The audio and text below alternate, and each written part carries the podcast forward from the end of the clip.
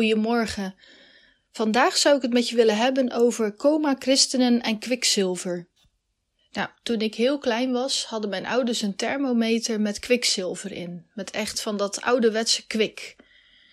En het gebeurde een keer dat ik in de badkamer was en dat ik dat van dichterbij eens wilde bekijken als jong meisje. En het gebeurde dan ook dat de thermometer in de wasbak viel en het, uh, het glazen buisje brak. Ja, en toen gebeurde er iets wat ik niet verwacht had. Doordat het glazen buisje was gebroken, kwam het kwik naar buiten en dat stuitte werkelijk alle kanten op. In de wasbak waren zich bolletjes gaan vormen van vloeibaar kwik. En ik vond dat er als kind zo fantastisch uitzien dat ik zeker een, minuut of vijf heb staan kijken naar hoe dat heen en weer bewoog in de wasbak. Want het bleef maar stuiteren en heen en weer glijden. En ook als ik daar met mijn vinger, ja, achteraf blijkt dat niet zo heel erg gezond te zijn. Maar als ik met mijn vinger daar eigenlijk een zetje tegen gaf, dan gleed dat eigenlijk als een soort van klein stukje zeep. Uh, rondjes tot aan de bodem van de wasbak eigenlijk. En ik vond dat uh, ja, werkelijk heel uh, bijzonder om te zien. Nou, mijn vader en moeder die waren daar wat minder blij mee. Mijn vader was zelfs boos dat zo'n dure thermometer gebroken was. Maar ik zei wel tegen mijn vader toen hij boven kwam om te vragen wat er aan de hand was, zei ik: Kijk, papa, het leeft. Het leeft. Ik geloofde echt dat het, uh, het kwik uit de thermometer, dat dat een soort van levend uh, element was op dat moment. Het, het zag er zo bijzonder uit dat dat bleef bewegen en stuiteren en springen. Het ging overal waar, de, ja, waar het heen vloog. En ik, ik geloofde werkelijk als klein meisje dat dat een eigen leventje had van binnen. Nou, kwik of kwikzilver, het is maar net hoe je het noemen wil, is eigenlijk iets, uh, ja, toch wel bijzonders. Vandaag de dag zie je eigenlijk weinig thermometers met kwikzilver in, omdat het toch niet een heel erg ongevaarlijk uh, stofje is om vast te houden. Maar de herinnering aan het kwik is me altijd bijgebleven. En ik wil dat ook eigenlijk gebruiken in een, uh, in een voorbeeld. Dat je als christen, als je een, een wedergeboren christen bent, je hebt uh, de Heer net leren kennen, of je kent de Heer al een hele tijd, dat je eigenlijk net als dat kwikzilver iets kunt uitstralen. Kwikzilver, dat is altijd iets wat mensen hun aandacht trekt. Als je kwikzilver op je hand zou nemen en je zou daarmee in een klas of op je werk uh, ja, dat rond laten gaan van moet je eens kijken wat ik in mijn hand heb, dan zullen er mensen altijd, oh, even gaan kijken, dat is wel iets, iets moois. Nou, en dat vind ik ook eigenlijk met christenen die eigenlijk het woord van God verkondigen die eigenlijk dat, dat kwikzilver uitstralen. Dat je iets, iets wauw, iets glinsterends over je hebt. Het, het, het, is shiny, het is bright. Het ziet er fantastisch uit en het trekt mensen aan, als het ware. En niet alleen de, de uiterlijke ja, verschijning, als het ware, maar ook dat je echt, net als dat kwik dat op de grond viel, dat in de wasbak viel, dat je rondspringt. Het gaat overal. Als je een thermometer breekt, het kwik springt eruit en het gaat overal. Overal vind je nog bolletjes kwik terug. En dat is ook zo fijn als je een, een christen bent met ja, een vervulde vreugde van de Heilige Geest van God. Dat je eigenlijk, net als kwikzilver, overal naartoe kan gaan. Je hebt zoveel enthousiasme in je dat je eigenlijk overal wel heen wil springen. Je wil niet op één plaats blijven, je wil overal heen gaan. Het is natuurlijk zo, zolang dat je in een, een buisje zit, als kwikzilver, ook als christen, zolang dat je eigenlijk ja, binnenshuis blijft, dan, dan springt dat nergens naartoe natuurlijk. Dan is dat op één plaats blijvende. Maar soms moet je uitbreken om, om rond te kunnen gaan, als het ware. Als je begrijpt wat ik bedoel, tenminste. Nou, op dit moment zijn er veel christenen die net als dat kwikzilver uitgebroken zijn. Ze zijn uit de buis gekomen en ze springen overal naartoe en ze laten overal een glans na. Ze vertellen het woord van Jezus, ze doen goede werken. Ze zijn bezig om het woord te verkondigen en het koninkrijk van God op aarde ook groot te maken. Ze stuiteren werkelijk van enthousiasme. En ze laten zich niet zomaar tegenhouden. Ze zijn vloeibaar kwik die overal gaan en staan. Hun enthousiasme is zo groot dat het gewoon gevaarlijk is om ze te vangen eigenlijk. Als je ze in je hand houdt, dan denk je, oeh, dit is eigenlijk zo uh, ja, kwalijk wat ik nu doe om het terug in de buis te willen steken en om het terug bij elkaar te verzamelen. Ik blijf er beter vanaf. Nou, in de Bijbel hebben we natuurlijk het, uh, het Bijbelboek Spreuken en daar staan heel veel wijze lessen in. Je kunt daar ook in, uh, in leren hoe je eigenlijk ook Gods woord kunt verkondigen. Dat je ook soms uh, ja, beter niet meegaat in, in dwaze discussies. Dat staat er ook echt wel letterlijk in. Um, er zijn ook veel ja, kwikzilverchristenen, zal ik ze maar even noemen, die continu discussies aangaan met mensen om, om toch eigenlijk hun gelijk, hè, het gelijk van de Bijbel uh, te pro promoten als het ware. Maar soms kunnen we ook iets te enthousiast zijn. Je hebt soms christenen die een beetje te radicaal uh, zijn en eigenlijk geen rekening meer houden met de gevoelens van een ander. Dat is natuurlijk niet goed. We moeten daarom ook uitkijken dat we ons niet verliezen in ons enthousiasme. Dat we geen rekening meer met andere mensen houden. Dat we niet uh, moeten redeneren dat mensen net zo vol van het evangelie en vol van de Heer Jezus zijn als dat wij dat op dat moment misschien zouden zijn. Sommige mensen geloven gewoon nergens in. Ze hebben geen hoop. Ze hebben geen uitzicht meer. Ze hebben geen doel in het leven. En als jij daar als uh, ja, vrolijke Frans in één keer langskomt, dan kan het ook averechts werken. Het is heel belangrijk dat je iemand anders zijn gevoel niet teniet doet of van tafel veegt. Probeer ook altijd te luisteren naar wat een ander precies bedoelt. En ga er ook prat op, een ander mag ook een andere mening hebben dan jij. Nou, natuurlijk is niet iedereen een uitgebroken of gebarsten thermometer. Er zitten ook op dit moment heel veel christenen in de thermometer als het ware. Ze zijn ook dat kwik, maar ze gaan wel mee met de temperatuur. Als het koud is, dan gaan ze mee. Is het warm, dan stijgen ze. Ze gaan als het ware een beetje met de meute mee. Oh, ik zal maar doen wat de kerk zegt. Of misschien is het wel goed om met z'n allen dat project te volgen, dat ik zelf niks onderneem, maar dat ik afwacht wat de rest gaat doen. Kijk, overleg en samenkomsten zijn natuurlijk niet verkeerd. Het is ook belangrijk om af en toe eens advies te vragen aan andere mensen. Ben ik wel goed bezig of is het wel juist wat ik doe? Van andere mensen kun je heel veel leren. Maar natuurlijk is slaafse volgzaamheid nooit een goed idee. God heeft ons een eigen identiteit in Hem gegeven. Het is heel belangrijk dat wij op onze unieke manier mensen benaderen. En ook voor onszelf een unieke manier, een individuele manier van een geloofsleven opbouwen. We hebben de kerk effectief nodig.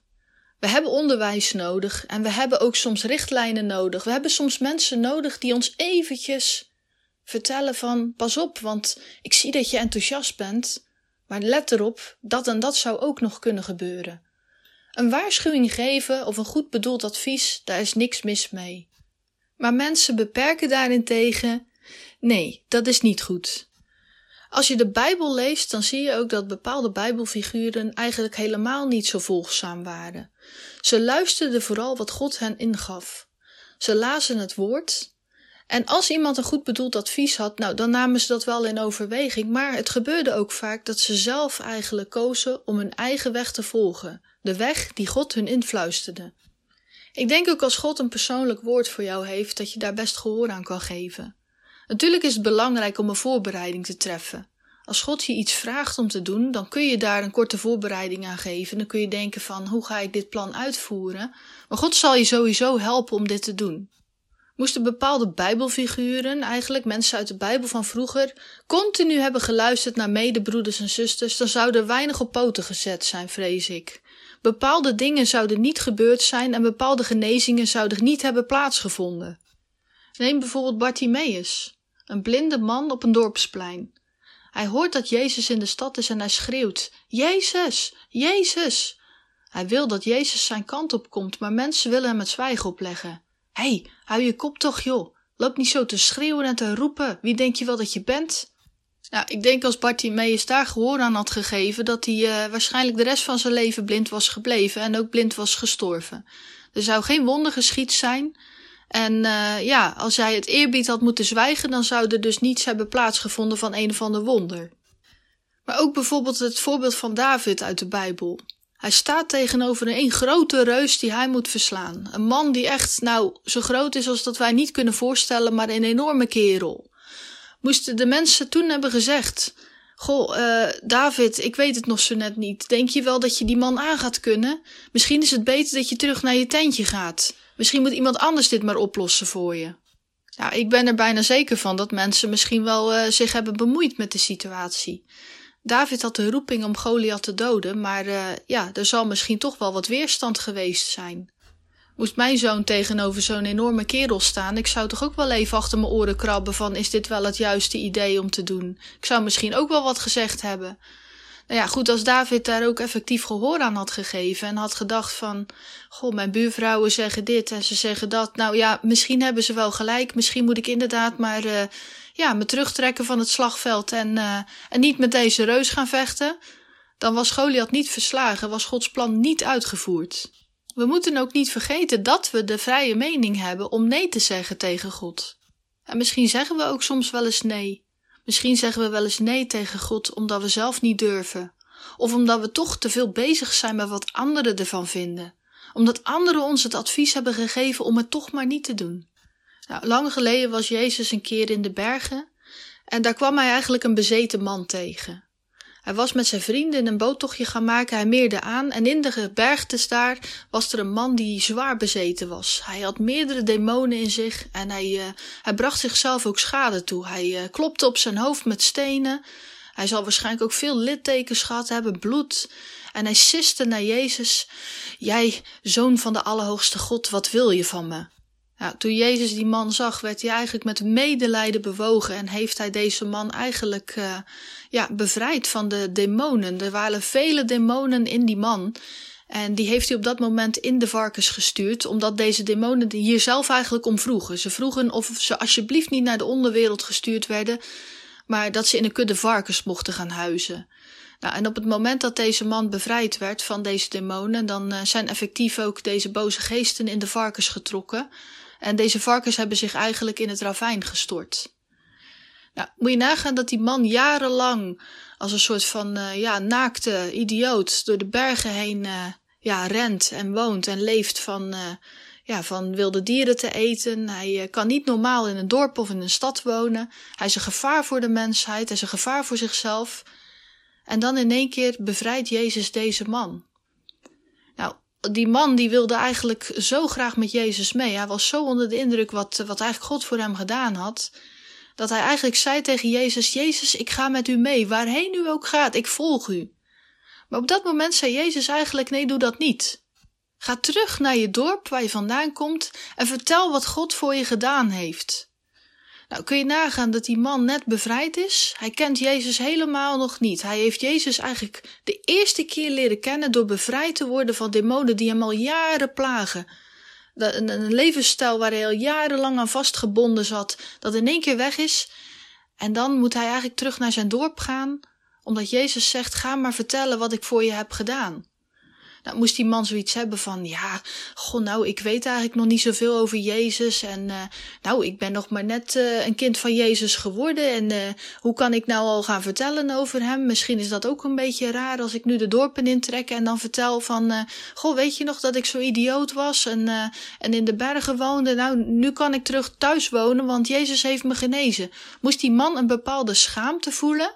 Of moesten bijvoorbeeld de vrienden van Jezus hebben gezegd van, ja, heer, is dat nou wel een goed idee? Die man uh, heeft jarenlang uh, is hij in gevaar geweest en nu komt hij terug het dorp in. Het eerste wat die mensen zullen doen is schrikken dat die man weer terug is. Misschien is het beter dat hij zijn kop erover houdt. Maar ik denk niet dat die man dat gedaan heeft. Die man die was zo kwikzilver op dat moment. Hij was zo blij. Hij wilde het liefst Jezus volgen. Maar Jezus zei: Nee, ga maar naar je dorp. Ga daar maar je kwikzilver loslaten. Doe dat daar maar. Ja, het zijn vaak de christenen die eigenlijk in ja, de thermometerbuis zitten die dit eigenlijk verkondigen. Ze gaan mee met de meute. Ze gaan mee met welk weer het is. Is het warm, dan worden ze warm. Hè? Als de hele gemeente warm loopt voor Jezus, dan gaan ze mee. Loopt de gemeente koud en is het allemaal een beetje ingeslapen, een beetje comatueus geworden, dan houden ze zich ook op de achtergrond. Ja, het is spijtig genoeg ook wel een helaasheid der dingen dat er ook heel veel uh, christenen zijn die zelfs niet eens meer in de, in de thermometerbuis te vinden zijn, maar die echt helemaal onder nul geraakt zijn als het ware. Die zijn werkelijk in coma geraakt. Ooit konden ze die vreugde delen met, uh, met de kwikzilverchristenen. Maar door de jaren heen hebben ze de ene teleurstelling naar de andere toch ervaren. En uh, merken ze eigenlijk dat, uh, dat ze zelfs niet meer met de meute mee kunnen doen. Dat ze op zichzelf eigenlijk een, uh, een beslissing hebben genomen om wel te geloven in God, maar andere mensen daar eigenlijk niet meer voor nodig te hebben. Ze zijn als het ware in een soort van ja, coma gedommeld. Het zijn eigenlijk ook christenen geworden die niet meer echt blij kunnen zijn. Je zult ongetwijfeld wel mensen kennen als je naar een kerkgemeenschap gaat. Uh, van die mensen die altijd een beetje blijven zitten. Iedereen staat op om zijn handen in de lucht te doen of om de Heer te prijzen of misschien gewoon te bidden. Maar zij blijven altijd een beetje nors met hun armen over elkaar zitten. Uh, ze gaan snel weg als, het, uh, als de kerk uit is. Er wordt geen koffie meer gedronken. Je kunt ook niet vaak verwachten dat deze mensen een vrolijk woord geven. Er wordt altijd een beetje teleurgesteld op alles gereageerd. En uh, ja, ze geloven nog wel. Ze weten dat Jezus een wonder voor ze kan doen. Maar uh, het zal niet voor vandaag zijn meer. Nou, die laatste mensen die vergelijk ik altijd een beetje met mensen die in een uh, slecht huwelijk zitten. Het liefdesvuur is uitgedoofd en men moet eigenlijk vol continu bij de waakvlam zitten, dat het niet uitdooft. Nou, en ik kan me voorstellen als je de hele dag naar een waakvlammetje moet gaan zitten kijken, dat je daar behoorlijk verveeld door kan raken. Dat dat behoorlijk saai is en dat dat niet meer zo leeft. Af en toe dommel je een keer in en je doet je ogen open en je denkt, oh ja, dat vlammetje, dat is er nog. Ja, jammer eigenlijk, want dat kleine vlammetje waar je dan naar kijkt, als het ware, is eigenlijk ooit een, uh, een vlammetje geweest van een groot geheel, van een waar kampvuur. Misschien was je wel ooit die christen die echt ook olie op het vuur gooide met momenten om het een beetje te doen aanwakkeren of uh, hele takkenbossen erin smeet. Dat je echt je inzette om dat vuur hè, levendig te houden, om de vlam weer te laten branden. Maar je hebt je zoveel ingezet, je hebt zoveel in het vuur gesmeten om het levendig te houden.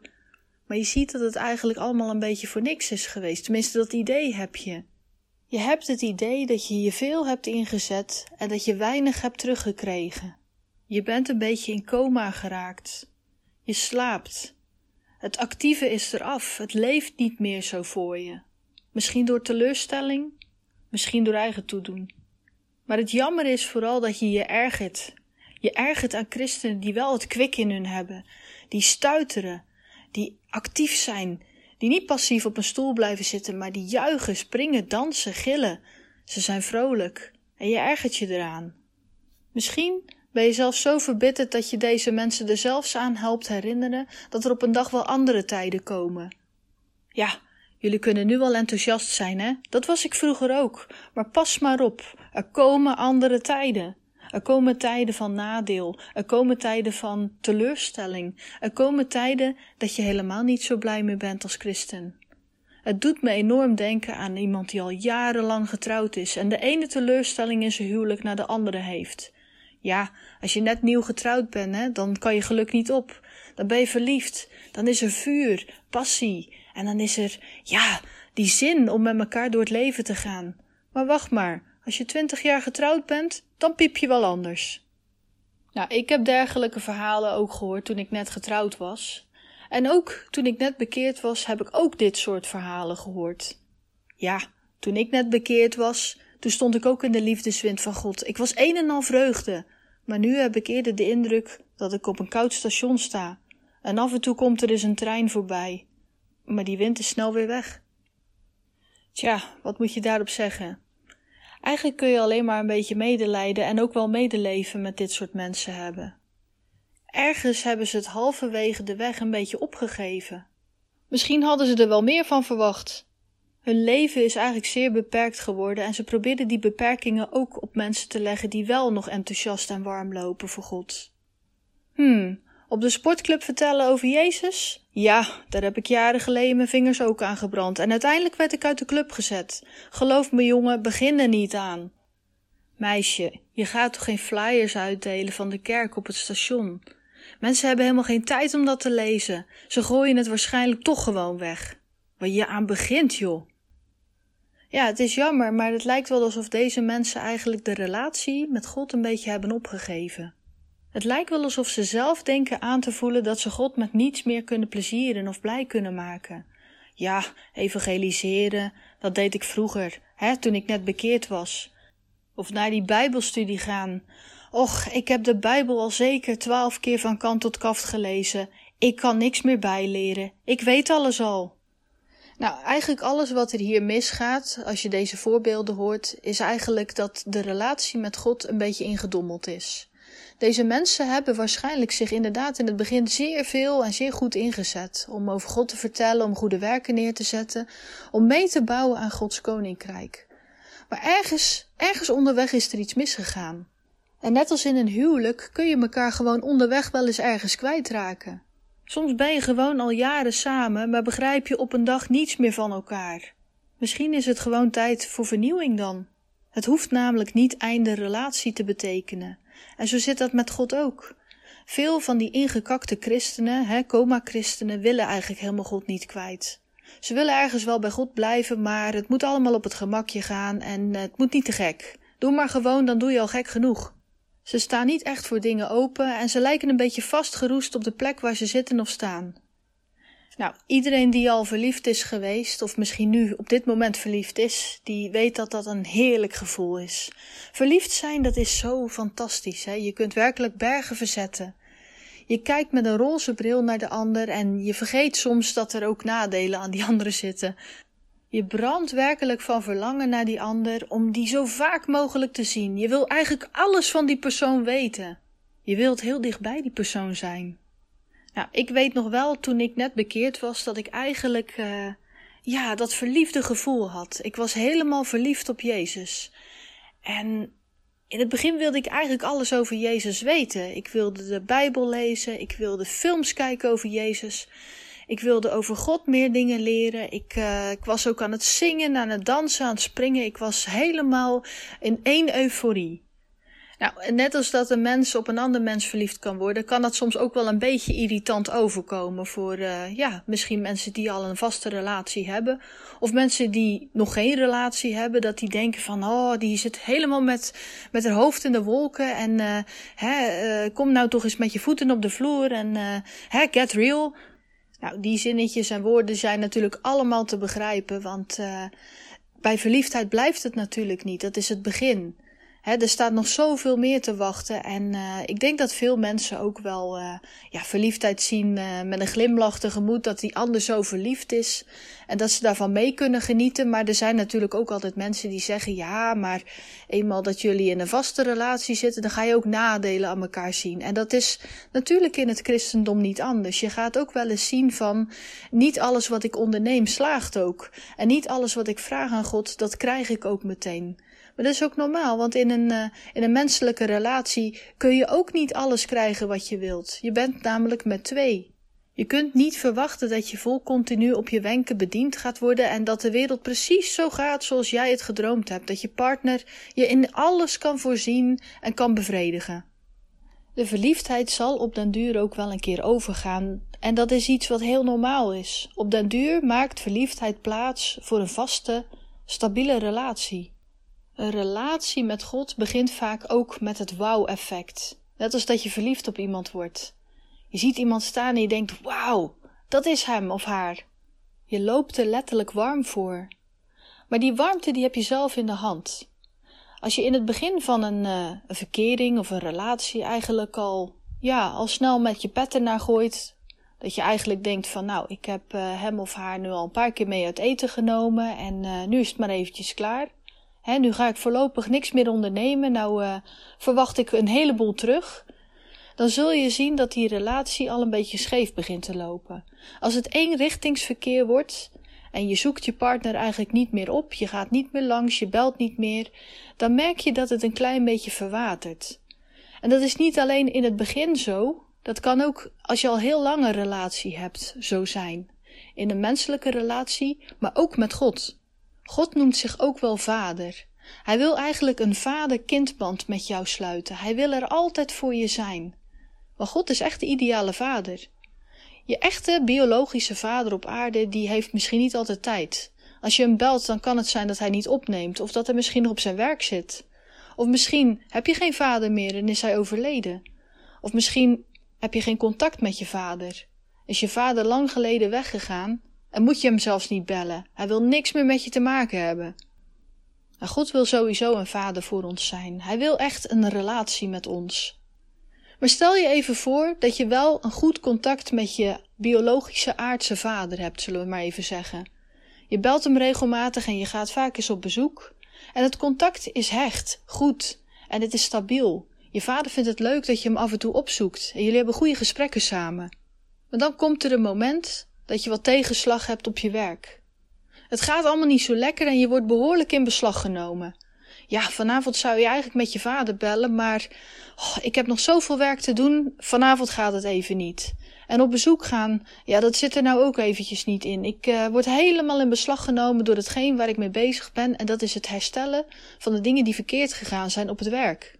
Je vader daarentegen probeert je te bellen, maar je neemt niet op. Je hebt gewoon stomweg geen tijd voor hem. Je bent zo bezig en zo into het werk dat je geen tijd hebt om op te nemen. Sterker nog, je hoort de telefoon niet eens. Er gaat een hele tijd voorbij. En na een hele lange tijd zoek je weer contact met je vader, maar je hebt hem eigenlijk niet zoveel te vertellen. Het is redelijk stil aan de andere kant van de telefoon. Het contact is een beetje verwaterd. Jullie zijn elkaar een klein beetje kwijtgeraakt. Jullie hadden zo'n hecht contact, maar ja, het is gewoon een beetje weg. Nou, iedereen kent het gezegde uit het oog, uit het hart. Ik heb vroeger ook wel contacten gehad die ik dan een tijd niet had gesproken en een tijd niet had gezien. En dan merk je dat het minder wordt. Je merkt dat er eigenlijk uh, ja, weer een tijd tussen zit voordat je die persoon weer spreekt. En uiteindelijk bel je niet meer en ga je niet meer. Dan is het werkelijk over. Nou, bij God hoef je daar nooit bang voor te zijn. Je bent nooit uit zijn oog, je bent nooit uit zijn gezichtsveld en je zal nooit uit zijn hart raken. Maar andersom kan het wel. Veel mensen leggen een band met God aan en ze onderhouden die in het begin heel sterk en stevig. Maar na een tijdje worden ze een beetje in beslag genomen door het werk, door de relatie. Sommige mensen hebben ook kinderen die echte handenbindertjes zijn. En voor je het weet, zijn ze in één keer het contact met God een beetje kwijt. Het begint met niet meer te bidden. En dan wordt er geen Bijbel meer gelezen. En vervolgens kijkt men ook niet meer naar preken op internet of op televisie. En het laatste is, men gaat niet meer naar de kerk, want men is stomweg te moe. Nou, deze week sla ik een weekje over hoor. Uh, volgende week, als er iemand interessant preekt, dan zal ik eens kijken of ik nog eens wil gaan. Ik ken effectief mensen die vroeger de uitspraak deden: Oh, als die komt preken, nou dan uh, sla ik een keertje over hoor, dan hoeft het van mij niet. Beetje raar, net alsof je alleen naar de kerk zou gaan voor de preek. Dat is eigenlijk precies hetzelfde als dat je alleen naar je grootmoeder zou gaan voor dat stukje appeltaart. Het vloeibaar kwik, de thermometerchristen en de coma-patiënt. Het zijn eigenlijk alle drie christenen waar we iets van kunnen leren. Het vloeibare kwik lijkt de meest positieve christen en ik geef ook toe, dat is een christen hoe ik eigenlijk ook wil zijn. Maar toch moeten we openstaan voor mensen die wel in de thermometer zitten ze gaan misschien wel met de meute mee. Als het koud is, zijn ze koud. En als ze ergens warm verlopen als kerk, dan gaan ze daar ook in mee. Maar we kunnen ook veel leren van deze christenen.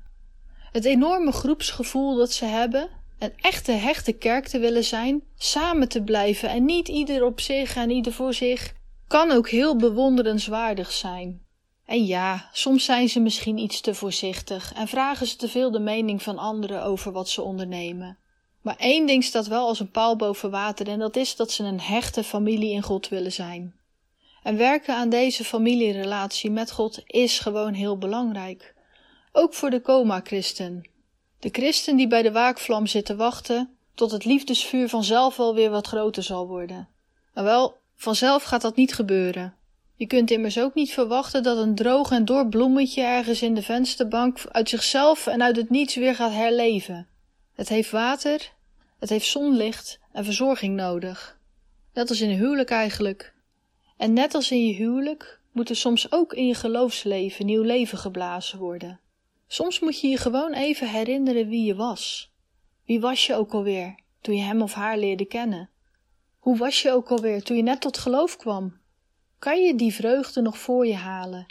En herinner je je ook waar het mis is gegaan? Waar lag de teleurstelling? En kun je erover praten? Net als in een huwelijk is het zo dat je nooit moet stoppen om moeite te doen om de relatie met God goed te houden. Je moet er effectief moeite voor doen. Je moet tijd voor God nemen. Hij kan jou namelijk niet binden aan Hem. Hij kan niet een gedwongen relatie met je aangaan. Als jij niet met Hem wil praten, dan ben je vrij om dat te doen. Als jij niet meer wil bidden of niet meer naar de kerk wil gaan, dan sta je daar vrij in. Bel je hemelse vader nog eens op. Bezoek hem gewoon een keer. En je zal zien dat de relatie die verwaterd is, weer nieuw leven ingeblazen zal worden. Het waakvlammetje waar je nu aan zit, zal weer een groot kampvuur worden. Maar je moet er wel tijd voor nemen.